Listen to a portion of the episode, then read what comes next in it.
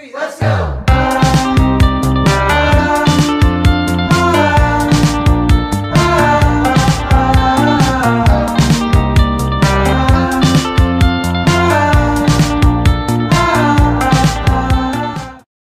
ny episode av View the Secrets Community sin podkast. Jeg heter Eir, og i dag så har jeg med meg en gjest. Dette er en eh, person som jeg har opp til veldig lenge.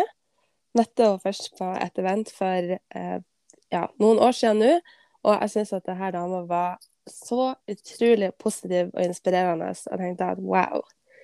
Og så har jeg vært så heldig de siste årene og fått eh, bli ordentlig kjent med dette mennesket også, og det gjør det jo bare Det er så morsomt å like en sånn som de virker, sant. Eh, så hun er like inspirerende og positiv i virkeligheten som det førsteinntrykket man får, og det er det altså få som er. Så med tolv års fartstid i businessen, så tror jeg også har en ting eller to som hun kan lære oss. Det er velkommen, Lisa. Å, for en fin introduksjon. Jeg ble helt rørt, ja. og takk det samme, må jeg virkelig si. Det er jo kanskje en av de fineste tingene med den businessen her, er jo å bli kjent med folk. Og du er jo en av de som jeg har blitt veldig, veldig, veldig glad i. Koselig. Det er så fint når det er sånn gjensidig og ikke av og til føler jeg meg litt som en sånn fangirl, men det er fint at vi kan være er venner gjensidig. Gjensidige følelser. Ja, men fortell oss litt, for de som ikke kanskje har uh, snakka med deg før, eller kjenner til et par år uten events, så det er kanskje ikke alle som har eh, fått møtt deg ennå. Hvem er du? Ja, Lisa Hillbom heter jeg og bor i Vestby. Eh, Det er et lite sted mellom Oslo og Moss. Og som du sier, jeg har jo hatt denne businessen i livet mitt nå i faktisk eh, i november. Så drrr, da er det tolv år.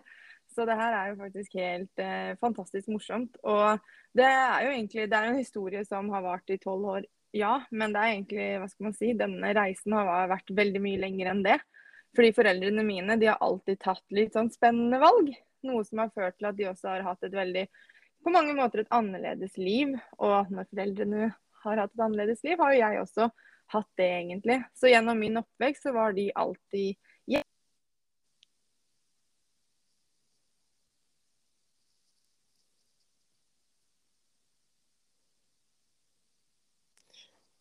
Yes, de var alltid hjemme.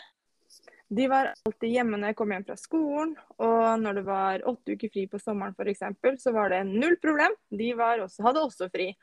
Og jeg og broren min, vi har eh, alltid liksom hatt de der, da. Og de man kunne fulgt oss opp og ja, ha tid til oss å være med på våre fritidsaktiviteter og følge opp lekser. Du vet alle de der tingene der, da. Aldri hatt en alarmklokke f.eks. når de skulle stå opp. og etter hvert da, så forsto jeg jo at det her er kanskje ikke helt normalt. Det her er kanskje litt uh, merkelig. Annerledes. Noe som ikke alle har det. For meg så var det jo normalt. Så jeg skjønte jo også at jeg var veldig heldig. Og at det her å på en måte ha, ha foreldrene så til stede i livet, da. Uh, og jeg forsto også at det her var noe jeg hadde lyst på. jeg skjønte jo at det her er sånn her type voksent liv. Ja, men det var jo ikke så ille gærent. Da kan man jo faktisk bli voksen. Og de har alltid vært min største inspirasjon og forbilder. Og vi er en veldig sånn sammensveisa familie. Så hvis no, en av oss tar et valg, da, så er vi alle sammen på en måte veldig Vi er alltid familieråd, du vet. Vi informerer hverandre, og det er ofte vi gjør liksom gjør, Hvis én gjør noe, så gjør alle det. Så da de kom i kontakt med et firma som het Nuskin, og ikke minst når de så hva, det hva denne muligheten kunne innebære, og kompensasjonsplanen, når de forsto liksom at oi, det her er jo faktisk This is it. Det her er noe spesielt. Det her er noe som kan fullende vår livsstil og gjøre at vi kan ha frihet i veldig mange, mange, mange år til. da. Så husker jeg jo veldig godt at eh, vi hadde et familieråd. Og liksom sånn OK, hva tenker dere? det her virker kult. Og så var vi på et møte i Oslo, husker jeg også. Og vi liksom, det var sånn Det var uh, love at first sign. Det her var liksom OK, this is it. Det her kan gjøre at vi på en måte kan fullføre og ha den livsstilen de hadde i mange år til, men også at det kanskje kan være noe som jeg da kunne, kunne gjøre videre, og noe jeg på en måte kunne Når jeg skulle bli voksen. Så da bestemte vi oss for at nå, nå gønner vi på. nå gjør vi det. Vi hopper i det med begge bein. Eller alle åtte bein. Eller hvor mange bein blir det? Mange bein. og var mange, mange bein.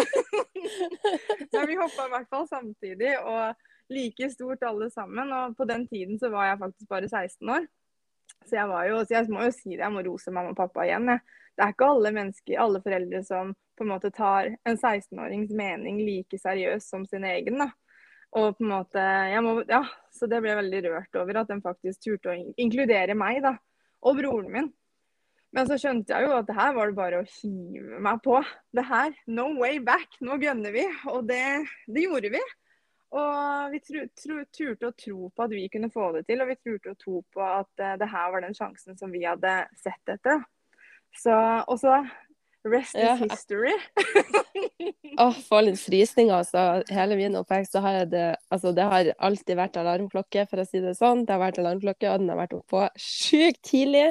Og foreldrene mine har vært sinnssykt mye borte.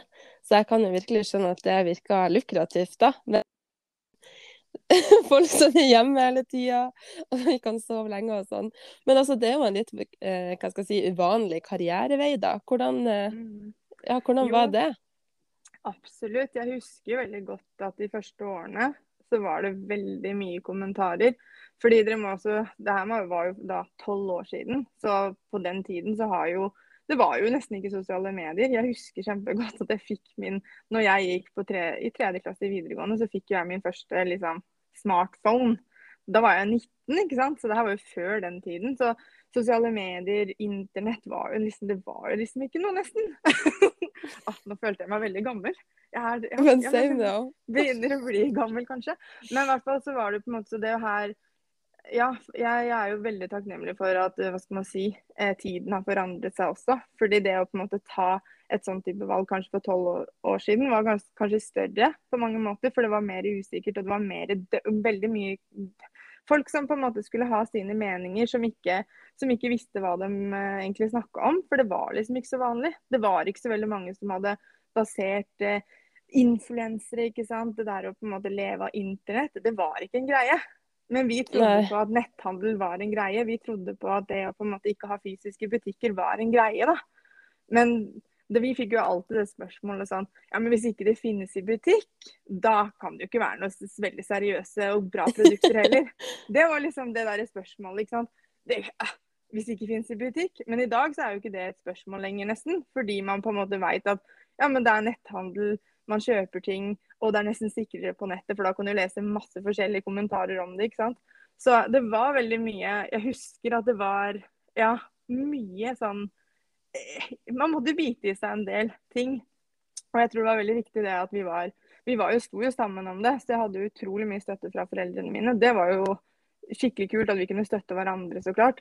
Men og igjen så kan dere tenke dere en, ja, en 16-17-18-åring da, som velger å skille seg ut det er ikke alltid kanskje den beste tida å skille seg ut på heller. Og på en måte liksom rope høyt om at ja, jeg skal gå for drømmene mine, og jeg skal få til det her, og jeg skal noe annet enn dere alle dere andre.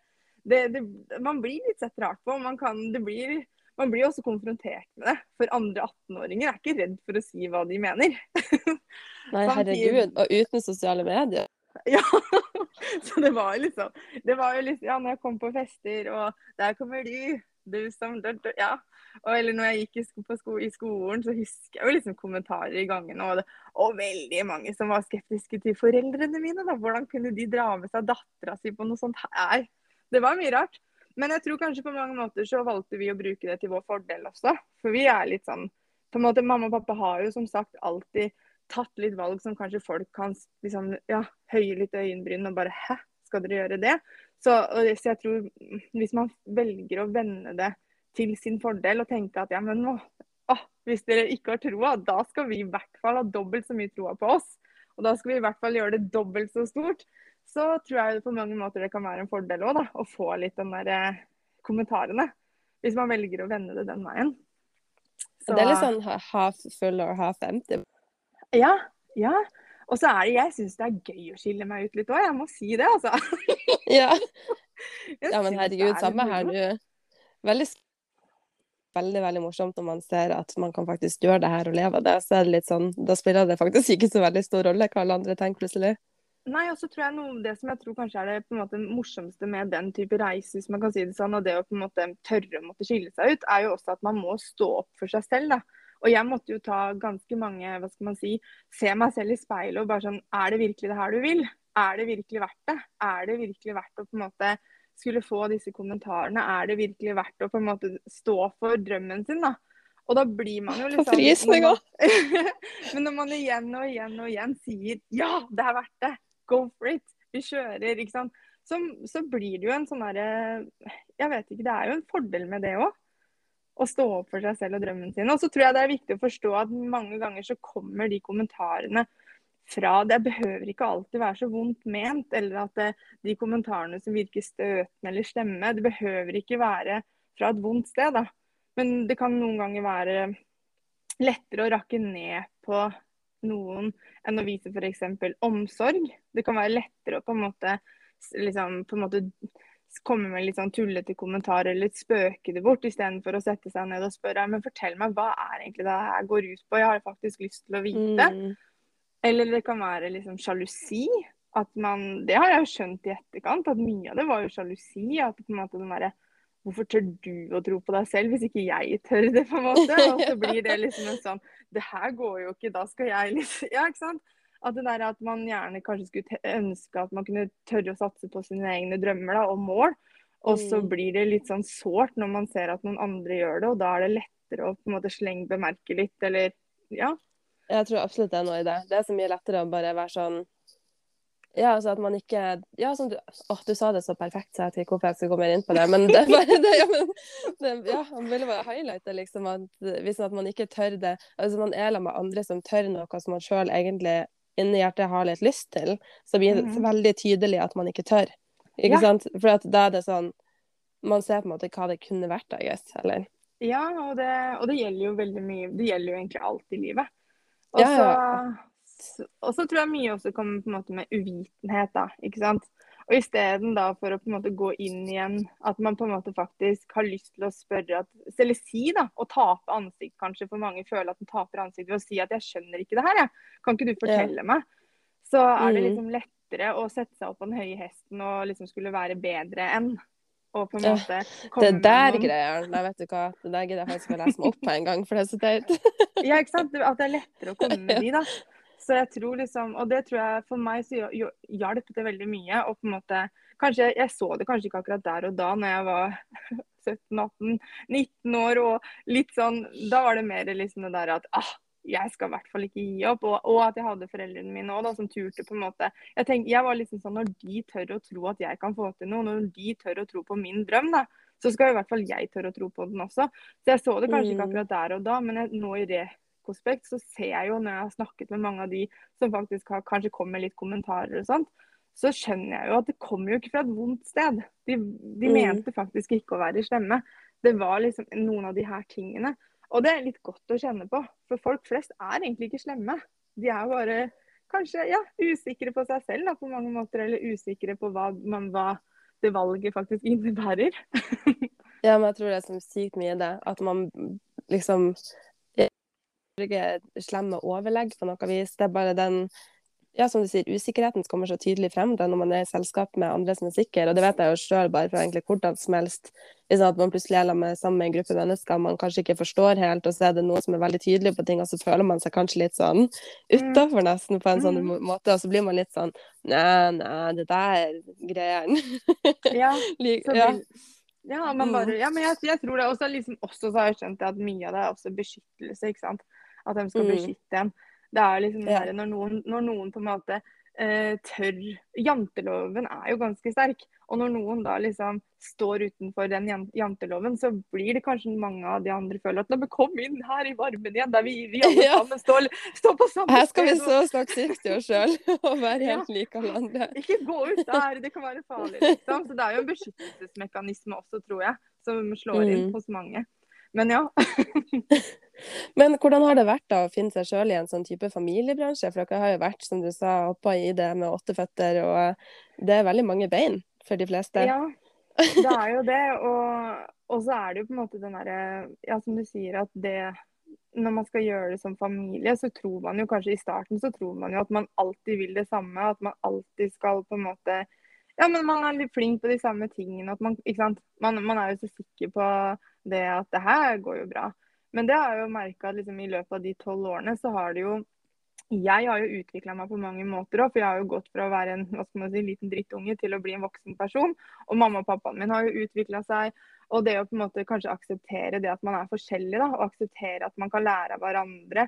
Og at man, selv om mora di er flink på noe, så behøver ikke det bety at du er flink på det. Den har jeg kanskje brent meg litt på, da. Jeg litt, ja, mamma får det jo til, så da får jeg det til òg. Oi, mamma er mye voksnere enn meg. Mamma har gjort mye ting. Hun er ganske tøff. Hun jeg kanskje faktisk må lære meg Må på en måte ha mine ja, gå på trynet noen ganger for å, for å, på en måte liksom klare de der erfaringene og sånne ting. Så det har jo på en måte vært en prosess. Det der å hva skal man si, eh, kanskje akseptere at man, eh, man, er forskjellig da, og bruke det til sin styrke isteden. Og det merker jeg også i team. Og kanskje hvis man f.eks. man jobber i lag med bestevenninna si, da, og så har man vært bestevenner fra tidligere, og så når man begynner å jobbe sammen, så er det plutselig helt andre roller som gjør at det er helt en helt annen relasjon også. Og det der å liksom tørre å kanskje sette litt den bestevenninnerollen litt til siden, og så på en måte skape en ny relasjon, det har jo jeg og mamma kanskje, og pappa for så vidt måttet gjort. Eh, gjort at vi har på en måte kanskje liksom satt den der mamma-pappa-datter-rollen litt til side, og gått inn som samarbeidspartnere. Og tørre å lære av hverandre. Tørre å på en måte eh, ja, ikke ta familiekranglinga ikke sant, i businessdelen. Og det er jo litt vanskelig. når man på en måte, Vi bodde jo sammen, og i tillegg vi, vi hadde jo alle relasjoner. Eh, nå bor vi jo ikke sammen lenger, da. nå har vi faktisk, men vi bor bare rett ved siden av hverandre fortsatt. nesten da. Så vi bor nesten sammen fortsatt. Men eh, det tror jeg er kanskje noe av det viktigste. At man på en måte i en sånn her prosess så må man tørre å være tro mot seg selv. Man må tørre, Motivasjonen kommer veldig mye fra dine drømmer og mål. ikke sant? Det å jobbe seg jobbe, seg, jobbe med denne type business, så må man være tro til sine drømmer. Og det er jo ikke alltid at kanskje businessmammaen din eller uplinen din har de samme drømmene og målene som deg, eller, eller, den partneren din som du jobber sammen med, mammaen min. Men det å da liksom finne en løsning på det, hvordan kan man jobbe sammen, men samtidig kanskje jobbe mot forskjellige ting? Og hvordan kan man styrke den relasjonen og tørre å spille hverandre gode?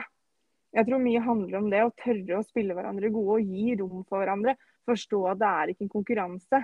Det her er et team, og det å skape en teamfølelse og det å tro på hverandre, heie på hverandre og forstå at oi, hun er sykt god på det der, og anerkjenne det. Hvordan kan hun lære meg på å bli bedre? Og det husker jeg mm. liksom i starten at jeg syntes var litt vanskelig. Når mamma fikk de oppgaver bedre enn meg, så er det sånn Mamma skal ikke få til det her bedre. Men da tror jeg liksom at jeg har på en måte liksom ja, men ta noen steg tilbake, jakke, jakke meg litt ned og inspireres av det. Og bare wow, så heldig jeg er som får lov til å jobbe med en sånn person. Og så syns jeg mamma har vært helt fantastisk, for hun har også Hun har liksom virkelig satt den morsrollen litt til siden og latt seg inspirere av meg. og liksom gitt, Hun ga meg selvtillit til meg selv før jeg på en måte nesten hadde selvtillit, sammen med pappa de liksom trodde jo på meg lenge før jeg trodde på meg selv, og liksom trodde at jeg kunne få til ting. Og oss liksom sa ja, men så klart skal du gjøre det her. Du skal stå på den scenen der. Det, det tør du. Nei, jeg tør ikke det. Jo, det tør du, liksom. Og så ga meg oppgaver og ga meg på en måte muligheten til å vokse. da, Og ga meg litt det. Det er jo noe med det når man jobber i et team, og det tenker, prøver jeg å tenke ofte som, som leder òg, at jeg må på en måte Man må jo tørre å Man må jo på en måte hva skal man si, hjelpe den andre ofte til å tro på seg selv. Og hvordan gjør man det? Jo, sett, med at man hjelper den personen å sette seg, sette seg i situasjoner som kanskje er litt ukomfortable, sånn at den kan vokse. da. Å, herregud, jeg får så frysninger igjen, men det er så styrt det det handler om. Jo, men det er virkelig det det handler om når man er en del av et team, på en måte. Liksom, for at man er kanskje vant med fra å gå på skole eller å være i bare andre sammenhenger generelt, eller om det med søsken er jo en million søsken. altså At man på en måte er sånn Å ja, du er god til det, og det styrer, ikke sant? At det blir på en måte en slags negativ ting. En sånn mm. Åh, men hvorfor er du bedre enn meg? Mens nå mm. så skal liksom I det her så I hvert fall jeg har liksom lært meg å se alt på en helt annen måte. Jeg blir sånn Wow, så sinnssykt kult at du får det til. Liksom, ta dine tips, hva er, det, ja, hva er det man kan lære fra det? Hvordan kan man liksom gjøre hverandre bedre? Og det å gi Mm. folk rom til å på en måte bli den beste versjonen av seg sjøl, da. At man liksom sånn Wow, det her er de skikkelig gode på. Eller det her OK, kanskje de ikke er helt der ennå, men ikke sant, hva kan man sjøl da gjøre for å hjelpe de til å se at de kan, kan det? For ofte Mm. man ikke kan noe, det er bare at man ikke tør det. Og det er veldig Det er jo- stor forskjell på å ikke kunne og ikke tørre. Ja, det er veldig, veldig, veldig, veldig stor forskjell. Og, og så er det liksom Og litt det der å kanskje akseptere at vet du hva, man kommer til å gå på trynet. Og man kommer Ja, til å ville gi opp. Ja, og man kommer til å ville gi opp, og man kommer til å føle seg så lite flink. Liksom, Man kommer til å kjenne på det så mange ganger. Men søren heller, man kan jo ikke liksom Det kan jo ikke stoppe en. Og tenk om man ja, men tenk deg om man liksom skulle la de tingene stoppe en. Jeg har tenkt på det så mange ganger at hvis jeg skulle gitt opp alle de gangene jeg har hatt lyst til å gi opp, det hadde jo vært helt forferdelig. Jeg hadde gått glipp av Altså, så mye. Det er jo den eneste måten man er helt sikker på at man ikke får til det man har bestemt seg for, Mhm. er jo å slutte, på en måte. Og jeg tror det der også mange på en måte gir seg litt for tidlig. Det, man forventer på en måte at man skal være god til noe før man liksom har prøvd det, og så prøver man litt, og så var det kanskje ikke så enkelt som at det kanskje så ut, eller kanskje kom nervene litt for mye, og liksom man vet at man ah, kunne egentlig klart bedre, men jeg klarte det ikke. Det her er ikke jeg laga for, det her er ikke jeg skapt for, ikke sant. Og så lager man seg sjøl Ja. Og så lager man seg sjøl Ja, så gir man liksom opp. Man gjør det, og så tror jeg liksom at det, at det å på en måte liksom faktisk se seg selv igjen, da, litt i speilet, ta litt sånn styremøte med seg selv. Og hvem er det egentlig man gjør det her for? Jo, det var jo faktisk Hvem var det jeg gjorde det her for? Jo, det var kun for meg selv og mitt liv. Og hvem skulle fullføre drømmelivsstilen min hvis ikke jeg gjorde det? Det er jo ingen som kommer, til, å, det jo ingen som kommer til å gjøre det for meg, liksom. Så det å på en måte skjønne litt hva er det egentlig man sitter og Hva er det du sitter og gi, skal gi opp? Hva er det du på en Mm. måte eventuelt ofrer da, ved å gi opp? Det har i hvert fall jeg Det spørsmålet har jeg liksom Det har gjort meg eh, at jeg liksom kommer tilbake igjen til den mooden jeg har lyst til å være i. Men OK, hva, hva skjer da hvis jeg gir opp? Jo, det og det og det. Oi, nei, men det går jo faktisk ikke. Da må vi Nei. fortsette litt her. Det gid- gidder jeg faktisk ikke. Nei, da blir det ikke noe sånn, da blir det ikke noe av det, da blir det ikke noe det, da blir det ikke noe av det. Og så er jeg sånn, faen, OK da. Da er det kanskje bedre å bare prøve en gang til. Mm.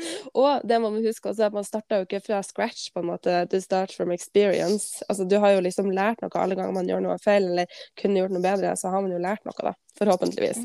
Ja. Så, men altså, du har jo vært nå, som vi har vært inne på flere ganger, hatt ei lang fartstid.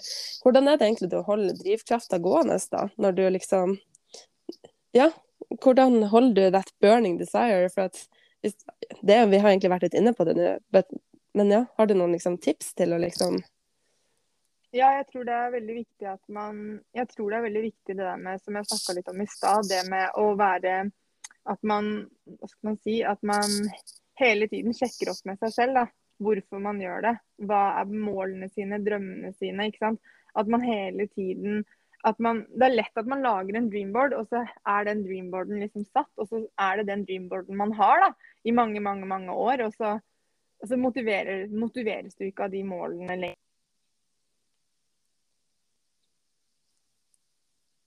Man utvikler seg selv, man, man vil annerledes ting. Man, man endrer seg. Det er en prosess. Jeg føler at det her er en prosess som er så mye mer enn bare en business.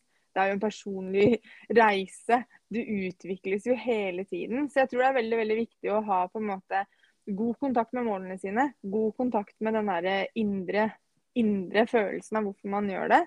At man Ja, jeg tror det er kanskje det som har gjort eh, gjort at vi har fortsatt. Og så tror jeg liksom det er å ha det gøy. At man Ja. har det skikkelig, skikkelig gøy, og kanskje ikke tar ting så innmari seriøst. At det er litt sånn, vet du hva, det her er livet, og det er om å gjøre å ha mest positive dager. Eh, jeg har i hvert fall Mitt mål i livet er å våkne opp eh, mest mulig positiv. At jeg våkner opp med et smil om munnen. da. Det er liksom mitt mål her i livet. Og da det jo, handler det jo om å fylle de dagene med å ha det gøy. Og det her er jo noe av det morsomste som fins. det er Ja, jo men bare det er det. gøy. Så jeg tror liksom det var å på en måte kanskje Ja, greit, men altså, vi skal være kjempeseriøse. Vi skal jo på en måte være en, en verdensomspennende business som finnes i 50 land. Vi skal bygge en lederstruktur. Vi skal nå de største målene vi har satt oss. Det skal være hår, hårreisende, man skal gå ut av komfortsonen, og man skal på en måte ha en drivkraft, være en entreprenør. Alle de tingene. Men i bunn og grunn så handler det jo om at man liker det man gjør. Og at man trives med det man gjør, og at man har det skikkelig, skikkelig, skikkelig gøy. Så hvis du føler at du ikke har det gøy, så må du på en måte bare Da må du endre målene dine. Da må du på en måte snakke med den derre deg selv på det dypeste og bare sånn OK, hvordan kan det her bli gøy? Og så når man har det Og jeg har det så sjukt gøy med mamma og pappa, det må jeg bare si. så det, og så er det liksom den derre friheten, da, ikke sant. Det å på en måte beholde For oss er alltid frihet. For, det er fortsatt et kjempemantra. Og det å liksom ha den friheten og ja, være tørre å drømme, tørre å være Hva skal man si? Det er jo Man har jo ikke lyst til å gi seg. Vi har jo fortsatt hundrevis av mål og drømmer som jeg jobber mot hver eneste dag. Å, oh, herregud. Ja, hvis ikke dere hører på nå, kjenner på en skikkelig sånn Litt sånn sommerfugler i magen. Men det er sånn når man jobber med noe som man syns er gøy, og man jobber med folk ikke sant, som man Altså bare for min del, da, å ha deg i livet på en sånn daglig basis, ikke sant. Det er bare sånn Uansett hvis jeg på en måte du er bare så sykt positiv, men så er det liksom ikke sånn tilgjort positiv. Du liksom Du er det. Du bare er sånn. og det er så sykt sånn Jo, men vet du hva? Det er faktisk det der glasset half full og half empty, på en måte. Altså det er liksom hvordan man tar ting, og hvordan man forholder seg til det. Og ta det med et smil og tenke at ja, ja, OK, så var kanskje ikke det min beste dag eller best performance ever. Men ikke sant, vi prøver igjen i morgen. Eller man ja. har det gøy. Og det er liksom, er det ikke det livet handler om, da? Å på en måte ha det, ha, ha det gøy og ha det morsomt å være Det er morsommere å ha en positiv innstilling til livet, syns jeg. Og det er jo så klart noe man må jobbe masse med. Fordi jeg også har mine dager der jeg føler at ting er skikkelig tungt og vanskelig. Men man klarer som regel alltid å finne noe positivt. Man klarer alltid å liksom finne en eller annen ting som er positivt. Og da på en måte fortsette å tenke, ja, men vet ikke, tørre å liksom, ta den positive tingen med seg da, og så spinne videre ut fra det. Og så blir plutselig hm, Ja, men det var ganske gøy i dag òg. Men det var jo kanskje en ganske bra dag i dag òg. ja, ikke sant. så blir det liksom blir, blir, det bra. Men det handler også veldig mye om, sant, som du sier, det å, å samarbeide med mennesker som også løfter en opp. da. Samarbeide. Man sier jo det at man blir the average of, of de fem menneskene man omgir seg mest med, og det har jeg veldig troa på. Jeg tror veldig på det at man, man må jo også eh, hvis man setter seg i en situasjon med mennesker der man, som man kanskje ikke motiveres av, som man kanskje ikke trives med, som man syns er ubehagelig å være med, eller hva enn, da, så blir jo ting også veldig vanskelig. Så jeg tror det å på en måte bruke hverandre, tørre å på en måte ja, tørre å uh, være et team og tørre å løfte hverandre opp, er veldig, veldig viktig. Så ja, jeg kunne Alt det du sier, det, jeg har bare lyst til å si sånn her What she said. Det er bare litt sånn alt du har sagt. Nei, men sånn, hva har det å liksom takke ja til denne business for deg etter alle disse vannene, eller ja? Jeg tror først og fremst så har det betydd frihet. Friheten til å velge. Siden jeg fikk jo denne muligheten når jeg var veldig ung, så jeg har jo så klart ville prøvd ulike ting opp igjennom og liksom ja, men gjort forskjellige ting. da. Og siden jeg alltid liksom har hatt denne inntekten i grunn, så har det skapt et frihet til å velge. At jeg har vært, eh, kanskje vært mer åpen Det har vært et mer eh, med åpenhet for å, det å faktisk feile, da. Om du skjønner? At man tør å ta mm. valg fordi man kan faktisk feile fordi man har en trygghet i denne inntekten, f.eks. Og, og det har vært veldig, vært veldig, veldig fantastisk. Jeg må si at det er kanskje noe av det som har betydd mest for meg det at eh, ting ikke har vært så innmari skummelt å hoppe ut i, i, i, i form av andre utfordringer i livet. da, Fordi at man har hatt denne her inntekten og hatt denne businessen i, i bunn. Eh, det har jo på, måte, på, mange måter blitt som en sånn safety net, hvis man kan si det sånn. Så er det liksom, og det er, For meg da, så har det betydd ekstremt mye. Og det har også gitt meg muligheten til å kunne jobbe med det jeg elsker mest i livet, som dere åpenbart skjønner. det, å hjelpe, det, å hjelpe, andre til å lykkes og oppnå sine mål. Guide mennesker til å tro på seg selv. Hvem er det ikke som har lyst til å jobbe med det, da? Og det har gitt meg muligheten til å bli kjent med foreldrene mine på en helt, andre, på en helt annen måte enn bare foreldre. Det at de har vært samarbeidspartnerne mine, mentorene mine, at vi har jobba mot felles mål, at vi har gjort sant, alle de tingene der, det er jeg evig takknemlig for. Så anbefaler familiebusinesser, altså. Det er gøy. Hvis man må involvere dem man har. Få send den episoden til familien min. ja, det syns jeg. Og så har det gitt meg muligheten til å utvikle meg. Å gå ut av komfortsonen, gjøre ting som gjør at jeg vokser. Alle de tingene der.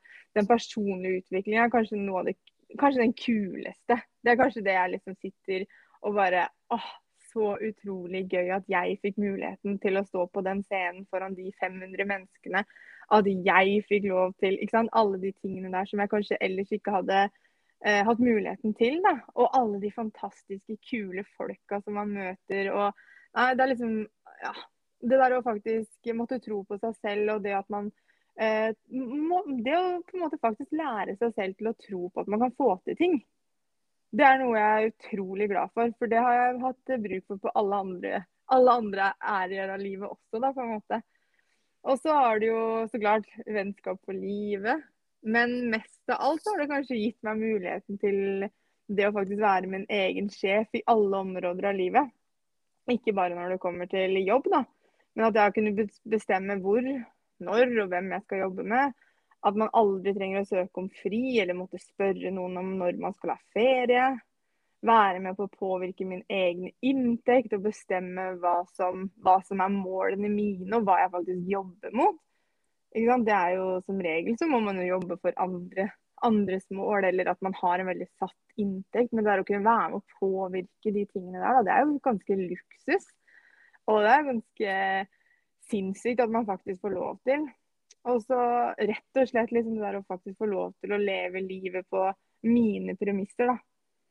Og det er jeg så evig takknemlig for, at jeg har faktisk ikke ord. Jeg blir helt Ja, jeg blir nesten å få tårer i øynene av å tenke på det hvis ikke jeg hadde hatt Hvis ikke da mamma og pappa hadde tatt denne muligheten og turt å involvere meg, og at jeg også turte å, turte å hoppe i det for tolv år siden, hva alle de opplevelsene, all den friheten, all den Nei, jeg vet ikke. Jeg har ikke lyst til å tenke på det engang. Hvis ikke man hadde i livet, hva det hadde betydd. Det hadde vært helt oh, ja. Så det har betydd alt. ja. Herregud. Nei, jeg tror jeg bare har sittet med frysninger fra start til slutt, egentlig. Nei, det her var helt, helt, helt fantastisk. Det, tusen, tusen, tusen takk for at du men så klart. Tusen, tusen takk for at du fikk være med. ja, jeg tror bare vi, vi, Det var så det var, Jeg følte at det der var sånn perfekt avslutning, liksom. ja. Men tusen, tusen takk. Det var veldig, veldig koselig. Og ja. jeg må bare si liksom, siste rådet mitt er tør å tro på deg selv. Tør, ja. å, tør å gå for drømmene dine, og tør å tro at du kan gjøre en forskjell i verden. For det kan du faktisk. Det kan du. Nei, tusen, tusen takk for oss. Jeg håper at dere sitter med en like god følelse som det jeg gjør. Og så takk for denne stunden.